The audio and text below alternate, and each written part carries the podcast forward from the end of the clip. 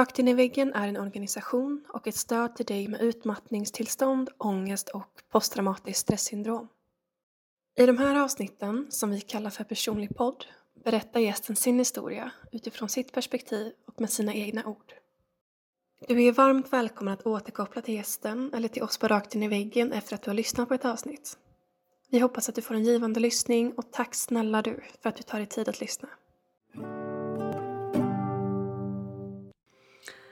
Så, vad spännande att vara här. Jag heter Anja Witwicka och har blivit hitbjuden. Det är en stor ära att få dela med sig av sin upplevelse av att ha varit utmattad och ja, vad det nu innebär eh, i ens liv. Jag tänkte börja med att berätta lite grann om vem jag är så kan man få en större bild av kanske om min livsresa som jag gärna vill dela med dig. Um, idag är jag konstnär och um, har, um, ja, är så lyckligt lottad över att kunna göra det jag älskar på heltid. Uh, jag är egenföretagare och undervisar i måleri och konstnärskap, entreprenörskap för konstnärer. Men även också skapar och säljer mina egna verk, mina egna målningar. Så det är måleriet som är liksom min, min uttrycksmetod. Och um, ja, jag bor med min man i Vaxholm utanför Stockholm och eh, har min egen ateljé där och min liksom, plats, kurslokal där jag skapar och lär ut och, och har, ja, jag känner mig otroligt lyckligt lottad som har ett så himla fint liv. Um, och för 15 år sedan så var det inte riktigt så här. Eh, då blev jag utbränd, utmattad och eh, fick ta stopp liksom. Eller ja, allt som jag höll på med då fick ta paus. Och den pausen trodde jag skulle vara kanske någon månad eller två, men det slutade med att den pågick i två och ett halvt år. Och um, det finns väl liksom ett litet före och efter i mitt liv. Före den pausen och efter den pausen. Och um, vad jag vill göra är att berätta lite grann hur det, ja, vad som, hur det var egentligen innan, innan allt det här hände och, och hur det kom sig att det blev en sån stor krasch. Um, och även hur det har blivit sen efter. För 15 år är en ganska lång tid men som ändå har liksom påverkats av den här perioden. Och jag är väldigt, väldigt tacksam. Det kan, det kan vara så himla skönt att tänka tillbaka på det. Att nu i efterhand så är jag jättetacksam för, för det som hände. Att jag blev tvungen att stanna upp. För tror han heter Tommy Hellsten, en man som har skrivit en bok som heter eh, Flodhästen i vardagsrummet. Han har ett citat i den boken som har liksom förändrat min syn på människan. Och han säger så här, människan förändras inte förrän det gör för ont att låta bli. Och jag tror att jag liksom många gånger om kan signa under på det. Så här, Jepp, det stämmer på mig också. Och jag tror inte att Ehm, det jag ska berätta om hur det var innan utmattningen kickade igång, den för 15 år sedan, och hur det är idag, egentligen, det är inte så himla stor skillnad i vem jag egentligen är. Annat än att jag kanske är medveten om just det här, mina envisa tendenser att vara väldigt, väldigt tvärsäker på hur livet borde vara och istället för att lyssna inåt alla gånger så dundrar man på. Eh, när utmattningen kom över mig så var jag student i England och hade gått in i, i andra året av en studieperiod på tre år där. Jag hade tidigare, tidigare gått på en annan skola i England. Så jag hade varit i England i fyra år och skulle liksom precis in egentligen i, i tredje året och avslutande året på den här utbildningen i performance art i sydvästra England. Um, som var en period där helt enkelt skolan tog väldigt mycket tid av mig och jag insåg nog inte hur hårt jag pushade mig. Och en dag när jag, jag vaknade upp på morgonen, ofta sittandes liksom, redan räknade upp allt jag skulle göra med hjärtklappning och jättestarka stresssymptom. Och jag insåg att jag gråter varje dag, jag är jätteuppstressad, jag är inte trevlig mot någon, jag mår väldigt, väldigt dåligt och hade väl egentligen tänkt att det här är väl norm, så här mår väl alla, så här är det väl att vara liksom, människa och leva och vara vuxen och så. Även om man är student.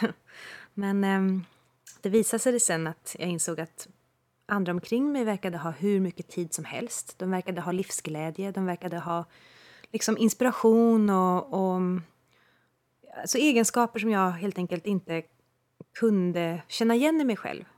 Tillgång till lek, tillgång till, till liksom förnöjsamhet. Och jag kände mig inte alls liksom rustad med den, med den, den enkla, det enkla i livet, att det kunde få vara bra. Det var liksom inte min uppsättning i mitt psyke, så att säga.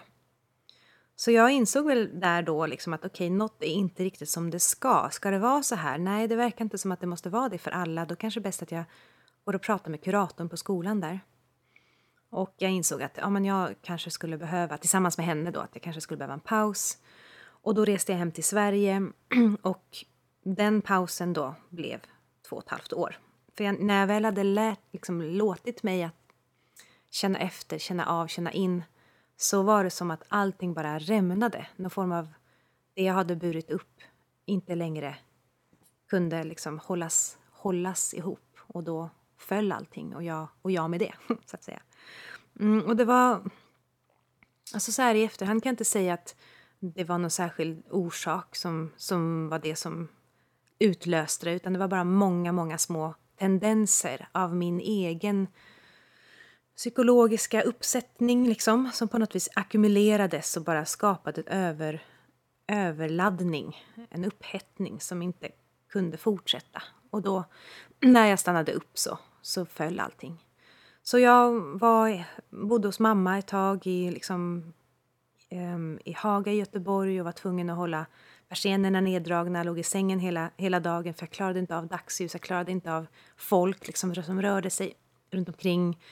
Och jag gick ut på kvällen precis när det, liksom, när det började, skymma. Då kunde jag gå ut, när det var lugnare energi och liksom, det blev lite eh, färre människor ute på stan och mamma bodde väldigt centralt då, så att det var liksom inte en det var inte liksom en hållbar livsstil insåg jag och mamma började ledsna på att jag låg i den där sängen och inte liksom kom någon vart. Så det slutade med att jag faktiskt åkte upp till Dalarna till en liten, liten ort som heter Stjärnsund där det finns en, en kursgård som jag är bekant med sedan tidigare och kom dit som deltagande gäst som det hette. Man jobbar några timmar om dagen, man betalar lite så får man liksom vara där, mat och husrum liksom för den summan av både betalning och, och ehm, ja, bidra med arbete. Och där på något vis började jag gå i skogarna runt omkring och började liksom bara finna någon form av ro i långsamt, långsamt liksom eh, kunna vara med ångesten, kunna vara med, med allt som pågick i mig och, och insåg att det finns ingenstans jag kan fly, det finns ingenting annat jag kan göra. Så jag blev kvar där, egentligen i Dalarna mer eller mindre i ja, de här två och ett halvt åren och började sakta men säkert öppna mig för andra dimensioner av livet som, som kunde ha en mer holistisk syn, alltså en, en, ge mig en holistisk syn på vad jag var. Att jag var mer en human being än a human doing. Och alla mönster som jag, um, ja, men jag hade liksom trott på, kört på. Um, jag fick orsak att titta på dem. Jag var delaktig i um, A, vad heter det då? ett AA-program, ett tolvstegsprogram som inte var A utan för medberoende. Eh, och det, ja, det var jätte, jättefina liksom, möten där jag fick träffa likasinnade som kändes på något vis där dysfunktion av olika slag, både i mitt liv och i min familj, liksom konstellation som jag kom från, fick på något vis komma till ytan och fick ta plats. Alltså det här med att, med att, att inte fungera som vanligt eh, fick plats. Och för mig var det jätte jag tänker mycket på det här ordet normalisera. Att så här, ah, men aha, så här kan det vara. Liksom att de här tendenserna till att vara högpresterande, att kunna liksom få mycket gjort, att vara driven, att vara liksom, att vilja mycket kan, kan ha många olika orsaker. Kan ha um, kan bottna i många saker och att jag, jag är inte ansvarig för allt. Så det var liksom sakta, sakta men säkert börja överlämna att inte sitta själv med ansvaret för precis den jag var. För så kände jag väl i alla lägen att liksom det är alltid upp till mig och det är jag som skapar mitt liv. Och om inte jag skapar det fantastiskt, hur tusan ska, hur tusan ska liksom det bli bra någonsin? Och, och i min egen tanke är jag aldrig bra nog. Och väldigt mycket liksom destruktiva tankar om mig själv som bara drev mig på att, att fortsätta jaga och kämpa. Och jag fick liksom se dysfunktionen i det här med då medberoendeprogrammet som, som man då, då benämner man dysfunktionens olika liksom, eh, både orsaker men också resultat. Som jag liksom, aha, är det så här det funkar? Och fick lära, sig, fick lära mig liksom mer om mig själv. Och sakta men säkert så började jag, liksom, jag kunna existera på mer hållbara vis. Så um, jag återvände sen till England efter de här två och ett halvt åren och, och gjorde klart skolan där och, och så. Men jag ska säga att en, ända till idag så pågår fortfarande den här dansen med vad jag tror att jag kan och vad jag kan. Och vad jag tror att jag borde och vad jag faktiskt förmår. Och vad som faktiskt är hållbart i form av balans och, och vad som är liksom vad som är möjligt. Och eh, alltså jag känner nog att utmattningen är ju min väckarklocka till mig själv. Det är liksom mitt inre som säger till mig Hallå, du har glömt någonting här. Och att det är den största gåvan jag kan få egentligen. Det här liksom en orsak att stanna upp, att få känna efter och liksom och se att min idé om saker inte alltid ja, det, det, funkar inte som jag tänker mig, utan det är som det är. Och många gånger så brukar jag tänka att vad sorgligt det är att man är bunden vid den här, i den här livstiden, i den här kroppen. Jag kan nästan känna att så här, kroppen är nästan som ett husdjur. Att det är så här, ja men den ska matas och den ska sovas och den ska rastas och den ska liksom kläs och gås till doktorn med och den ska... Att någonstans kroppen tvingar en, en annars... Eh, en väldigt, väldigt, ett väldigt fritt sinne och ett rastlöst sinne och en väldigt kreativ liksom, själ som jag då tydligen tycker att jag är. att faktiskt, nej, men du måste vara här och nu. Att det är liksom att det här livet på den här planeten just nu så inkluderar det en fysisk behållare som jag ska bebo och ta hand om. Lite så, om jag får, om jag får låta lite alien. Men det är, liksom, det är lite så det känns. att Kroppen är en otrolig eh, gåva i att komma tillbaks till nuet och inse att ja, men jag kan bara göra det jag kan. Jag hinner bara på en dag vad jag hinner på en dag. Jag måste sova, jag måste ha en balans, jag måste ta hand om mig. Och jag känner att oavsett om jag har då liksom den här fantastiska erfarenheten från för, två, för 12, vet du, 15 år sedan, att jag, att jag då liksom var tvungen att ta paus och avsluta alla mina projekt och alla mina visioner och bara lägga allt på hyllan, så är det liksom, den här dansen fortsätter mellan någon form av fri, gränslös, fantastisk liksom, kreativitet och vilja till så mycket.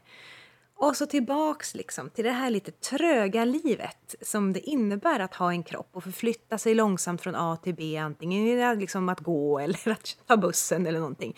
Medan jag med tankens kraft kan vara på 15 olika platser under loppet av en minut. Att det här liksom, jag känner att det, att det är att bebo det här lite långsamma, tröga och samtidigt se kroppen som den fantastiska verktyg som den är ehm, för att, för att bidra till den här världen, till, till andra, till att, liksom, till att skapa saker som faktiskt är då upplevs som fysiska i den här världen är, är liksom, det, där, det är också en glädjekälla och en gåva. Så jag upplever att till vardags så är jag verkligen... Jag är i de här två liksom, vad, vad, kan jag, vad kan jag planera in och vad är realistiskt att göra? Och det fortsätter. Jag har bara sett det fortsätter. Och under de här åren så sedan, sedan jag liksom på något vis kom tillbaka inom situationstecken från, från att då inte ha kunnat fungera alls i ett vanligt samhälle så, så är det så att jag flörtar ju med jämna mellanrum med utmattningen. Jag vet inte, det har aldrig gått så illa som det gjorde då med sån lång period för att komma tillbaks. Men jag, jag, jag har liksom jag har perioder där det är så här, nej men nu, nu måste jag stanna upp för nu är jag på väg åt fel håll. Jag har gjort konstiga val som på något vis inte gagnar alla gånger eh, liksom helheten och balansen. Och det kanske är så här att som konstnär eller som kreativ så kanske man får stå för det ryktet som vi har, att vi, vi är eh, ja, vi är lite mer kanske labila, lite mer liksom dramatiskt lagda eller lite mer, vad ska man säga, det händer ett, ett, ett yvigare känsloliv så att säga kanske än vad, än vad andra har, vad vet jag, jag kan inte jämföra med någon, men jag kan säga att det det är mycket som pågår. Det är väldigt sällan det är jämnt i min värld, utan det är väldigt mycket känslor åt alla olika håll och kanter och då tänker jag mig att det här liksom att det här med okej, okay, där är vi nära en kant, en gräns igen. Nu har du gått för långt Anja. Att det kan faktiskt få vara en jättefin chans att säga okej, okay, men nu, nu är det dags att liksom stanna upp. Så jag ser det som en, som en eh, jag ska inte säga att jag är stolt eller glad när det händer, när jag har drivit någonting för långt och jag börjar märka av att det liksom inte längre håller. Eh, men, eh, men det är en, en orsak för mig att ta hand om mig själv ännu mer. Eh, under den här perioden som, som har gått sedan utmattningen så har jag då avslutat mina studier i England. Jag har levt ett nomadliv under några år, tror jag fyra års tid, som innebär att man inte har en särskild bas någonstans utan reser runt. Eh, och eh, liksom, jag har då jobbat på, i ett land eh, och sen rest runt med en metod, alltså en, man kan säga en mindfulness-lära. Eh, och, och då under den perioden så har det också ständigt varit det här med att jag vill hitta tillbaks till den kärnan som är min friskaste, som den bästa versionen av mig själv. Att den hungern, den längtan har nog varit en del, liksom, ett delmål eller en kompanjon för mig genom hela, hela livet. Och det här med då att ge upp på något vis att ha en särskild bas i världen, att resa runt och få upptäcka så många olika liksom, platser och länder genom att då fortsätta liksom söka sig till, till den här inre, inre världen. Man kan kalla det en andlig resa kanske, eller en psykologisk resa eller så. För att hitta sin stabilitet, för att hitta sitt, sitt väl, välmående som, som jag vet finns där inne. Det är ju någonting som på något vis har varit ett intresse som kanske bara ökade av den här upplevelsen av utmattning. Och, eh, så det var en period som jag gjorde det och var väldigt liksom öppen för att, för att slappna av, att kunna se att här och nu är allting väl. Och parallellt med att jag har drivkraften att skapa och lära mig liksom då från de här metoderna där jag var både student och hjälpte till som volontärarbetare på många av de här centren. Eh, och sedan var det också så att det kom en punkt när jag lämnade det och gick in i entreprenörskapet fullt ut. Det är på något vis fylld av kraft och energi. Att nu har jag någonting, jag har funnit en stabilitet i mig. Nu ska jag ut och ge till världen min gåva. Jag tror det var Picasso som sa att våran, våran eh, livets mål är att, eh, att hitta vår gåva och livets syfte är att ge bort den. och jag tyckte att jag, det, liksom, det var dags för mig nu då, att, att jag har liksom hittat någon form av det som, det som är jag. Eh, det varit otroligt viktiga år för mig det här med liksom att söka sig inåt och travla igenom allt, allt träsk av allting som skulle klargöras upp i ljuset och tittas på. Eh, och sedan liksom, okej okay, men nu, nu vill jag ta nästa steg. Nu är det dags för mig att gå in i liksom företagandet och entreprenörskapet. Och då gjorde jag förstås det då med, med hull och hår på samma vis som jag gjort allt, allt annat. Och det är där som liksom på något vis jag får hela tiden parera. Hur mycket kan jag klara av att bygga eh, företaget? Hur fort måste det gå för att jag ska vara nöjd? Och alla de här rösterna som man ständigt har i, i, liksom, i sitt eget huvud som jag tror de flesta av oss har. Att vi eh, borde, det borde ut på ett annat sätt. Vi har en inre kritiker, vi har en inre liksom, på något vis idé om hur vi borde vara som skiljer sig från hur vi är. Men där finns också en väldigt oskyldig iver. Ja, men jag har så mycket som jag vill testa, så mycket som jag vill ge, så mycket som jag vill faktiskt bidra med. Och det, och det driver liksom. Ja, så den här nästa perioden då av entreprenörskap och, och att se, liksom, går det att leva på sin konst? Går det att bidra med, med kreativitet och skapande och konstnärliga alster som en källa till, till liksom att, att klara sig ekonomiskt och kunna leva? Det har ju varit en jättehäftig resa, för jag tog, tog mig an den som en, som en liksom utmaning att ja, men kan jag det, då kan vem som helst det. För att jag, det är så jag ser mig, liksom, som vem som helst. Um, och då blir det jättespännande att få stå i, liksom, i täten för något. Att det går ju inte att leva på sin konst, det vet ju alla. Det är all, ingen blir ju liksom på något vis um, uppmuntrad till att ta den konstnärliga banan om du vill ha en bra framgångsrik karriär med säkra pengar. och då att ändå välja det. Um, Eh, att, att känna att det här är min väg som jag vill te testa och ta och se hur långt jag kan ta den. Och faktiskt också vara kvinna i det. För de flesta av, av eh, de stora konstnärerna där ute som säljer för miljoner är ofta, tänker jag, är ofta män. Jag kan ha fel, men det är min, min bild. Eh, och eh, stå där och vara liksom både kvinnlig entreprenör och egenföretagare och konstnär. Att jag kände det som en så mission, att jag ska, liksom, jag ska klara det. Eh, och det har varit fantastiska år. Jag är inne på mitt sjunde tror jag, år nu där jag liksom där det faktiskt är verklighet och jag känner mig jättelyckligt lottad som har det här livet. Och samtidigt så är det här med att ständigt utmanas. Liksom, hur växer jag nu som människa? Vad är det som, som utmanar mig nu? Och hur, hur vidgar jag liksom, mina komfortzoner? Hur blomstrar jag, så att säga, i liksom, Alltså människa, hur växer jag? Och, och då kan det liksom vara de här olika områdena, bland annat entreprenörskapet, konstnärskapet i sig är en sån också. Um, så jag... Ja, och vad som är häftigt är att då är man plötsligt inne i presterarbiten igen. Väldigt, väldigt likt alla andra situationer i livet där utmattningen har kommit och knackat på och påmint mig om att nu, nu får du vara försiktig här. För det blir väldigt mycket att jag kliver in i vad ska man kalla den, den nästan som den maskulina kraften i mig och, av görande och, och, skapande och manifesterande och uppnå liksom mål. Och därmed ändå bevara ett varande.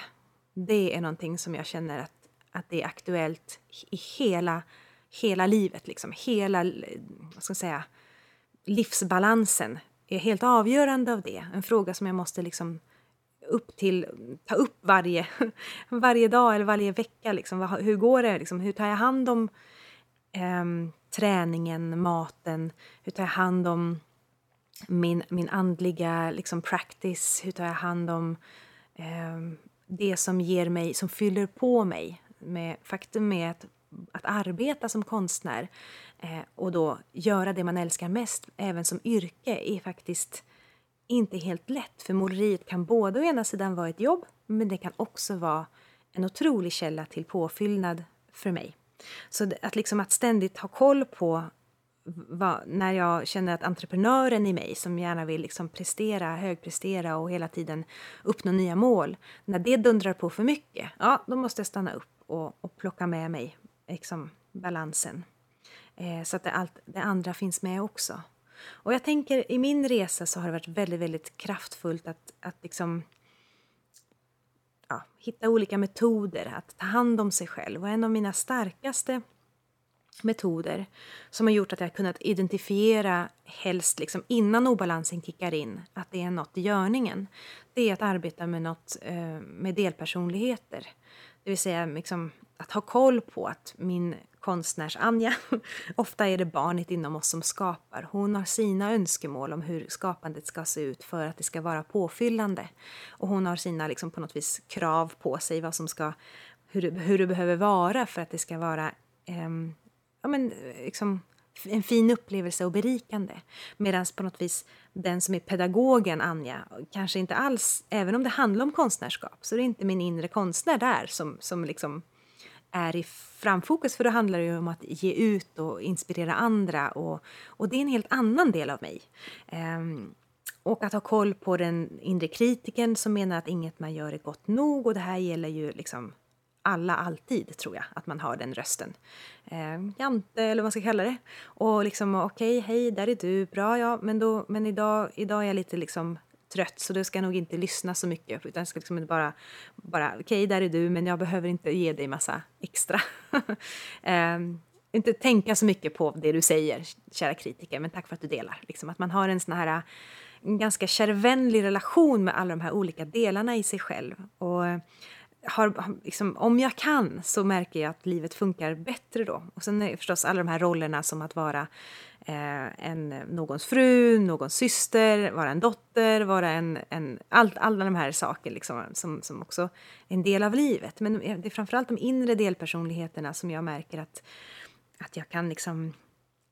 Det är, där, det är där ofta det börjar, när ångesten kommer, eh, vilken den gör fortfarande då och då. Så jättefin chans att se upp. Nu behöver jag stanna upp här lite grann. För att Vissa av oss, och jag hör till en av dem som har väldigt högt tempo i sig själv. Mitt sinne stannar sällan upp. Jag har verkligen det är mycket, som, mycket inspiration, mycket idéer som flödar. Det är liksom det är ständig rörelse. Och jag tror att Eh, jag kanske lever ett liv där rörelsen främjas. Men hur kan jag stanna upp även om jag älskar rörelse, älskar resa, älskar nya idéer, älskar företagets utmaningar med nya projekt. Jag älskar samarbeten där det händer mycket. Jag, ja, jag, liksom, jag mår bra i det och samtidigt så kan jag inte identifieras av att vara det.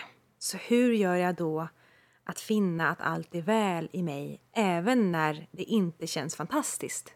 Och det har kanske varit en otrolig, ja, kanske det mest, det mest på något vis, den resan som jag har gjort mest, både liksom under och efter den här utmattningen då för 15 år sedan. Vem är jag när inte allt går min väg? Vem är jag när inte det känns perfekt? Vem är jag när min självkritiker är som högljuddast? Vem är jag när inte målningarna blir bra eller inte säljer bra på en utställning eller den kampanj jag kör inte ger de resultat jag önskar? Och för mig så har det varit olika vägar in att hitta tillbaks till någon form av inre essens eh, där, allt, där allt är väl. Och jag har gång på gång fått bevis om att det här är totalt tillgängligt för mig. Men jag måste välja det. Jag måste välja det. Och någonstans i någon av lärorna som jag har följt så har jag hört det här uttrycket att egot eller den, liksom, den del av oss som, som vill ha snabba resultat och ser den yttre på något vis framgången som den ultimata framgången. Det är den rösten som pratar högst. Om jag ställer en fråga, vad ska jag göra med, med den här situationen? Och då jag lyssnar inåt, den, den första rösten som kommer är den som handlar om att liksom nå prestigen, att få, att få ha rätt kanske, att bevisa sig själv bättre än någon annan, eh, att få snabbast eh, liksom, kortsiktiga liksom, resultat eller den här liksom, quick pleasure, om man säger så. Och inte alla gånger den som, som menar att nyttan för alla är fokus eller att jag... um, ja, att det finns en annan, det finns en annan röst som om jag, om jag stannar upp och ger mig själv utrymme och tillit till, liksom, till att det är okej okay att inte ta de första instruktionerna så att säga, utan låta det få komma långsamt. Där hittar jag ofta andra svar, andra lösningar som jag blir jätteförvånad över ibland. Eh, som har en helt annan utgångspunkt som jag inte helt kan begripa. Och där um, där känner jag att mycket av livsvisdomen som jag längtar efter och själv söker finns inne i mig och det är ju magiskt. Men jag måste tillåta det. Jag måste tillåta den här, det här lugnet. Så hur gör man då om man är en person av mycket tempo, mycket visioner, mycket tankar, mycket rörelse? Att då ändå sta kunna stanna upp och höra den här andra rösten. Och det är någonting som jag har med mig varje dag. Ja, men hur gör jag nu? Liksom, hur hittar jag hur hittar jag en balans där jag kan vara öppen för, för den här andra rösten, vad, den är för, vad man nu vill kalla den. Man kan kalla den högre kraften, man kan kalla den existensen, man kan kalla den intuitionen eller kärlekens röst eller vad det kan tänkas vara. Det finns jättemånga ord för det. Men jag, men jag hittar liksom, jag söker i min andliga resa så söker jag olika stöd eh, i olika metoder och stöd till att komma tillbaks till det här. Vad, vad är det för någonting som, som finns där inne som, där allt är väl? Vem är jag när jag inte bara identifierar mig med mina framgångar där, där ute eller med, med vad jag kan tänkas äga eller ha eller vilken kropp jag har eller vad, liksom, vad som finns på mitt bankkonto. Hela den, hela den resan... Äh, ja, allt det där finns ju där ute men, men jag är ju, precis som alla andra, så är ju jag en essens som är mer än så. Och för mig har det också varit väldigt mycket att, att våga överlämna. Det pratar också tolvstegsprogrammet om och även andra, andra läror. Att överlämna sig. Att inte eh, behöva vara den som bär allting. Och det för mig har varit en jättefin liksom, kärleksfull gest i att hej livet, jag litar på att du håller mig, på att jag är buren. Låt mig liksom på något vis känna det genom att jag överlämnar till dig den här, det här beslutsfattandet, den här frågan, den här, eh, ja, den här problematiken eller situationen som jag måste lösa. Att jag inte måste bära det själv.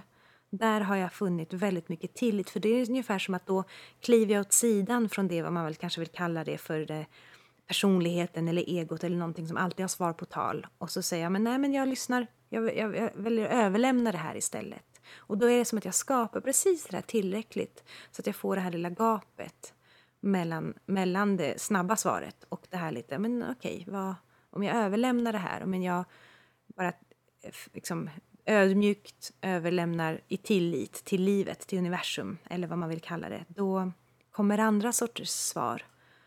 Och där, ehm, där så trivs jag mycket mer.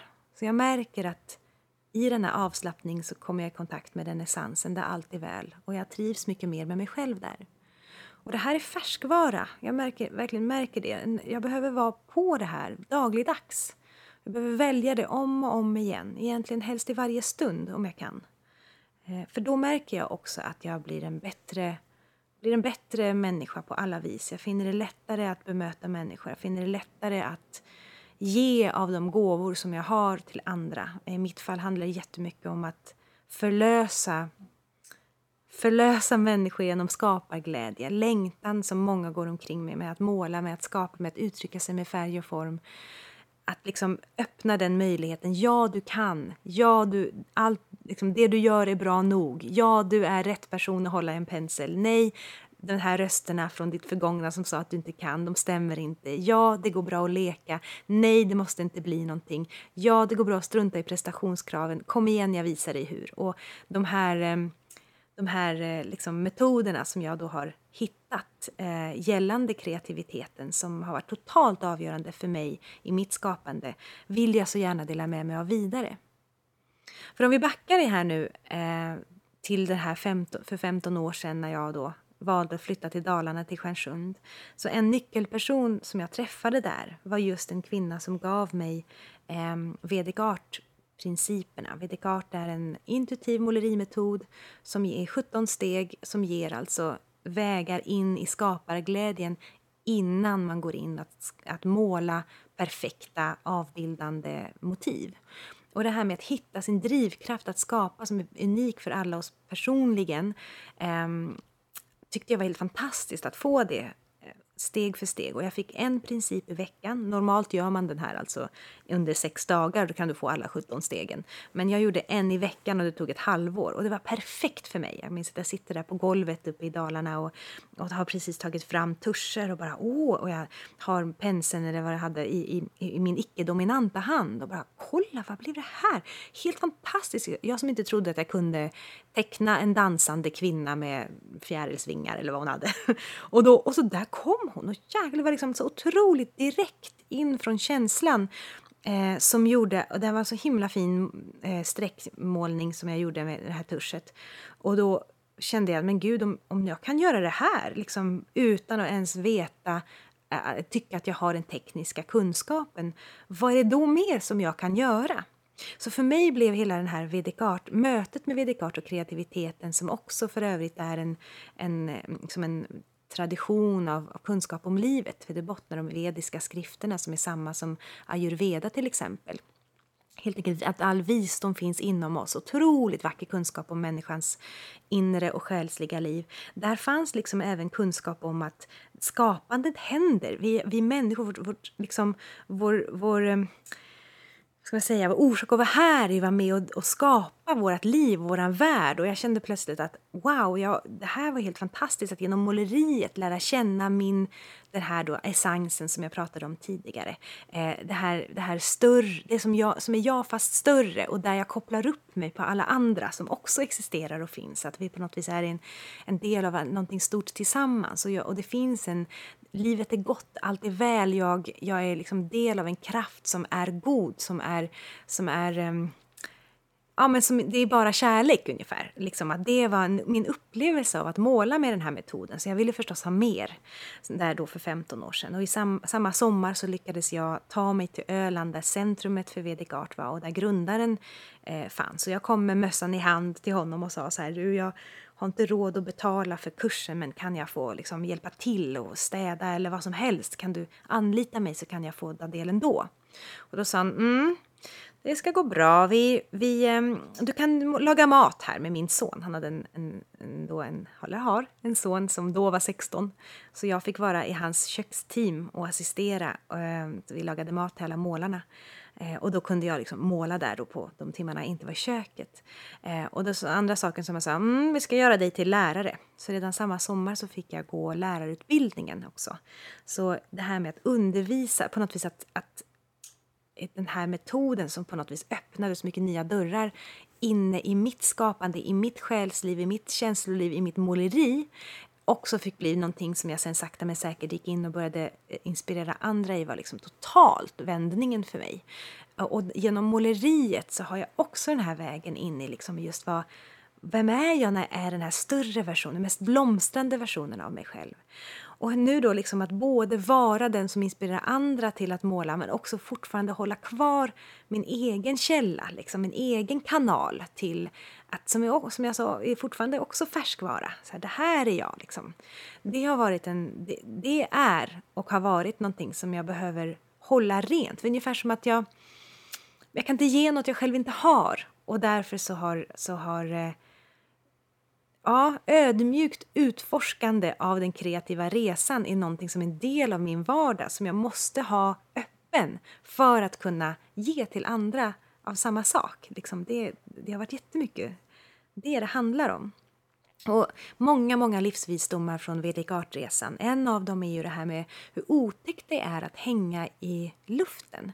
När, när jag blev utmattad så var det precis så här med att jag var helt, jag var helt förkrossad av faktiskt av ångest, ångestkänslor över att inte kunna göra planer, att inte kunna tala om vad jag ska göra om någon månad, att inte kunna liksom börja um, fastställa hur mitt liv skulle se ut för jag visste ju förstås inte hur jag skulle må. Så hela det här med att jag kände som att mattan blev under, undandragen under fötterna, att jag inte alls vet vem, vem är jag om jag inte är på väg någonstans? Vem är jag om jag inte har planer? Vem är jag om jag inte kan boka upp mig och, liksom, och vara på väg till den här utbildningen eller det här ska bli eller liksom visionerna om jag inte har dem på plats liksom som någonting som ska fär, verkställas? Vem är jag då? Alltså otroligt läskigt att hänga i det okända, att inte veta, att bara vara ett enda stort frågetecken och det här visade sig vara en av de absoluta nyckelpunkterna i måleriet, i det intuitiva måleriet, där jag sätter igång en målning precis som jag blivit igångsatt här i livet. Jag har fått en, liksom en kropp, en personlighet, en, en eh, ja, jag, är en, jag är en liksom människa. Men att sen liksom att allting är på något vis möjligt, att man hänger i luften med målningen som man inte kanske alltid vet var den ska ta vägen eller vad det ska bli av den, hur den ska se ut. Och på samma vis är det liksom i livet, att våga hänga där. Åh, det är så, det är så, vad ska man säga? Mm. Det är så speciellt för att samhället omkring mig i min upplevelse i alla fall har inte varit främjande av det här. Om du inte vet, jag menar, du, jag ska ju veta vad jag ska bli när jag blir stor när jag är fem år brandman eller ballerina eller vad det nu kan tänkas vara. Men jag ska minsann ska veta vad jag ska bli när jag blir stor. Så hela tiden det här med att, att trygga hem någon form av vetande, att tryggheten ligger i vetandet, det känner jag är någonting jag har blivit liksom har tänkt att ja, men om jag åtminstone vet var jag är på väg någonstans, man kan alltid ändra sig, men om jag vet var jag är på väg någonstans då är jag trygg och då får jag så här godkännande nickningar från folk runt omkring mig. Så, ja men okej, men det, det låter bra, det, då kan de släppa mig för då vet de att jag är, liksom, jag är typ på väg någonstans så, man, så de kan eh, vara trygga i att, att allt är väl, liksom, för jag är på väg någonstans. Och i utmattningen där då så hade jag inga svar på någonting. Jag kunde knappt vill du ha fil eller mjölk liksom, till frukostflingorna? Jag kunde inte svara på det. Och det var så otroligt, otroligt läskigt. Att hänga i det okända, att vara i det ovissa och bara, liksom, bara vara ett enda så pulserande liv av, av existens utan riktning. Liksom. Um, och det vill jag säga att det övar jag på i målningarna, för det är fortfarande någonting som är otäckt. Det är liksom att veta och vara på väg någonstans eller veta vem jag är eller på något vis definiera mig som individ eller som yrkesperson eller som någon roll att där finns på något vis en tillhörighetsförsäkran. Jag vet att om jag, om jag är någons fru då tillhör jag den här, liksom, det här sammanhanget, den här släkten, den här klanen. Jag har en plats, jag, folk vet vem, liksom, hur de ska relatera till mig eller någonting sånt. Men om jag, inte, om jag inte har någonting så hänger jag i luften och det är fara för mitt liv, säger ett, en del av mitt psyke. Liksom. Så i de här målningarna så fick jag öva mig på, och gör än idag, så här, hur, hur bekväm är jag att vara obekväm? Hur bekväm kan jag vara när jag hänger i det ovissa? När målningen är bara full av möjligheter.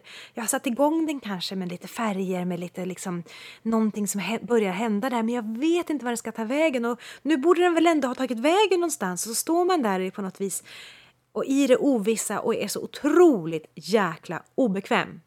Och det känner jag är en sån här livsavgörande... Att bli bekant med att det här pågår var en jättestor del. Att vara, bli bekant med att det här kommer hända igen och igen och igen var eh, liksom oh, oh, jätteotäckt. Men också att till slut bli så här, oh, men det är inget man kan göra för att det är en del av livet och det är inte förrän jag vågar vara i det som jag vågar släppa allt som någonting nytt kan hända. Och jag pratar ofta om det här med mina elever. Kanske att det är den jag försöker övertyga det mig själv, jag kan inte riktigt avgöra det. Men, men att det är så här att det är först när jag släpper jag släpper på mina förväntningar om vem Anja ska vara, vem konstverket ska vara, vem, hur processen ska upplevas. Det är när jag släpper på mina önskemål, på mina visioner, på mina liksom krav på att det här ska bli minsann bli en, en röd målning eller minst, jag ska minsann bli en sån här sorts person i yrkeslivet eller jag ska minsann bli en sån här framgångsrik entreprenör eller avgörande personlighet. Det är när jag vågar släppa på det här som jag verkligen kan bli tagen i hand av livets stora stora plan, så att säga, och nå någon annanstans eh, som jag aldrig, hade kanske kunnat för, förvänta mig eller föreställa mig. Och så är det ofta med mina målningar. Det är först när jag kraschar, alltså totalt så här, jag ger upp. Och nu pratar vi inte om överlämnandet i små stunder utan det här det kan ofta vara otroligt hemska, alltså jätteångestfyllda, så här, nej jag vet inte, jag håller på, nu slänger jag den här målningen eller liksom, nu vill jag bara gömma huvudet under eh, kudden eller liksom, går inte ur sängen idag eller vad det kan tänkas vara, både vad gällande livet och konstverken. Det är först då som någonting nytt kan få träda in för jag står inte i vägen för mig själv längre mina förväntningar, mina förhoppningar, mina idéer om vem jag borde vara och hur det borde vara är ofta det som står i vägen för, det, för den, stora, den stora planen som bara vill mig väl, bara som vill att jag ska vara det bästa jag kan vara i livet. Och för mig har det varit gång på gång på gång på gång i mina målningar att det är först när jag släpper taget om dem som någonting nytt kan komma. När jag har liksom investerat, överlämnat mig och eh, när jag säger investerat så menar jag att jag, liksom har, jag är där till fullo, jag är närvarande, jag har ingen aning vart vi är på väg. Ja, ja, jag är nästan på väg att liksom, jag vänder på målningen, jag, jag målar över, jag gör om, jag liksom jag är frustrerad, det blir, den går igenom fulfaser, fulstadier, det pratar vi ofta om i mina lektioner. Fulmålningar ska hyllas mest av allt. Och kanske till och med att vi tar det, man tar det till livet. Fulfaser i livet ska hyllas mest av allt, för det är först då som någonting nytt kan komma om man inte lämnar då, om inte man säger nej, nu får det vara, liksom, eller nu slänger jag den här målningen, utan man är kvar. Man är kvar, man är kvar, man är kvar. Då först kan någonting nytt äntra. Det blir som en transformativ en öppning för att jag har lagt av allt annat. Jag har lagt av alla mina idéer och för, föreställningar om vad det borde vara. Och så även i livet. Eh, ofta kommer, jag vet inte, om, om, du känner igen det, men för mig är det ofta så att saker och ting som jag önskar kommer ju sällan från det väg, den vägen som jag skulle vilja att de kom från.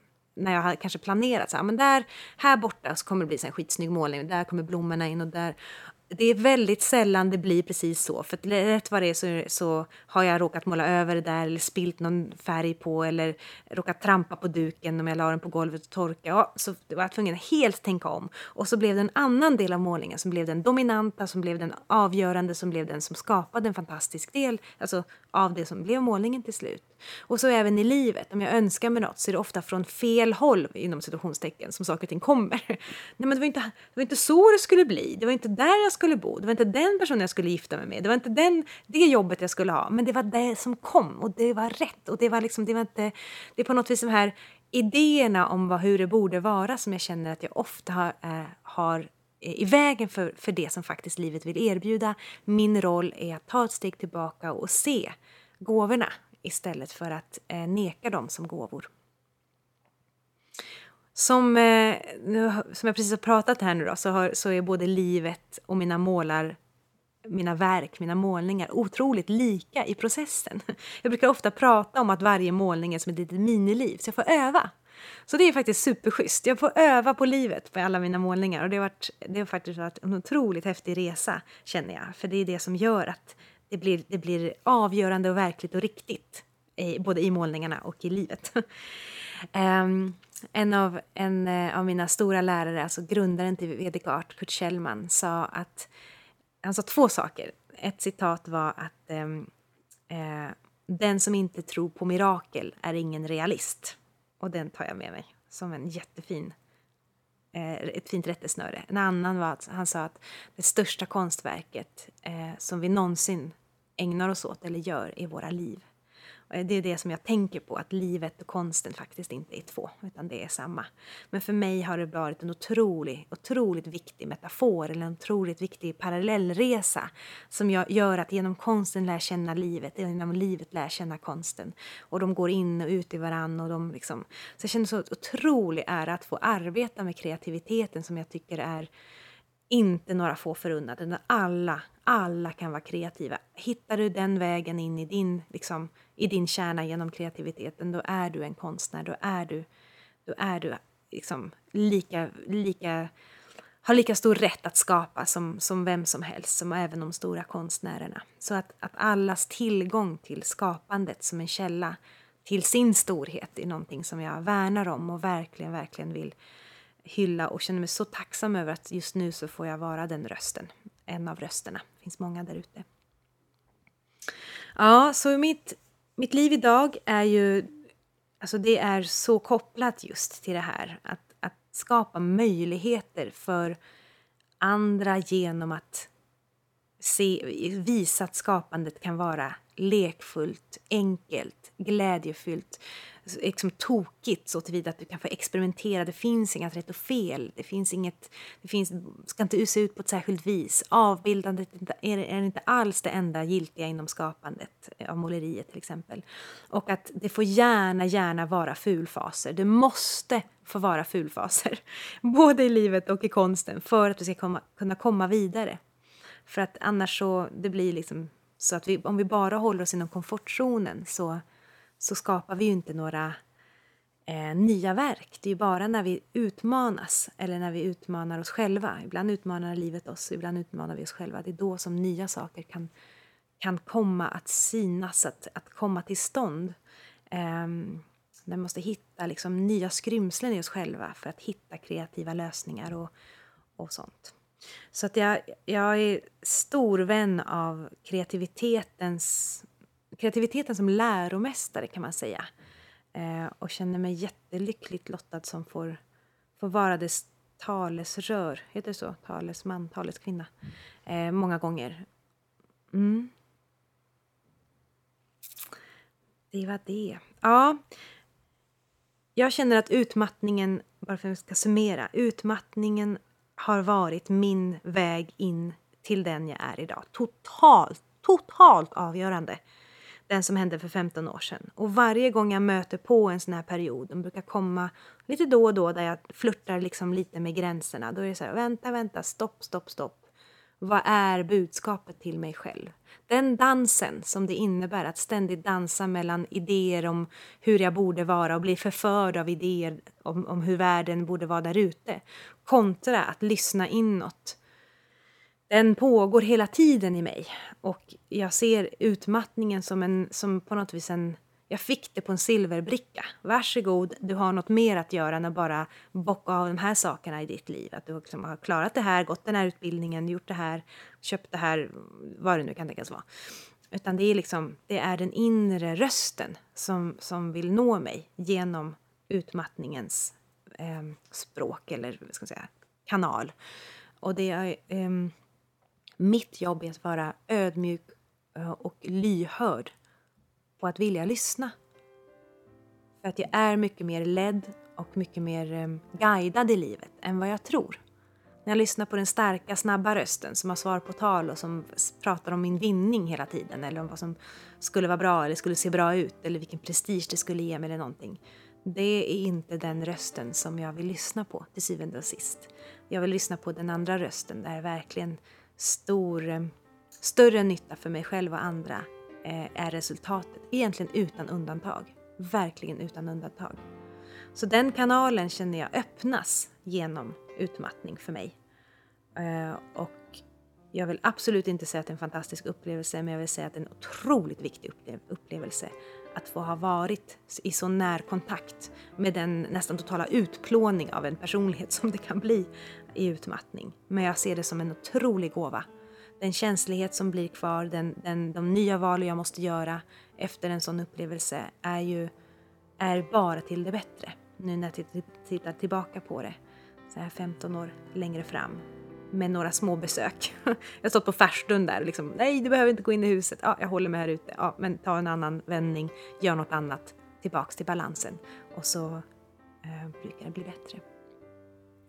Så det här var det jag ville berätta om min, min resa och om, ehm, om hur det har varit för mig. Så tusen tack för att du lyssnade.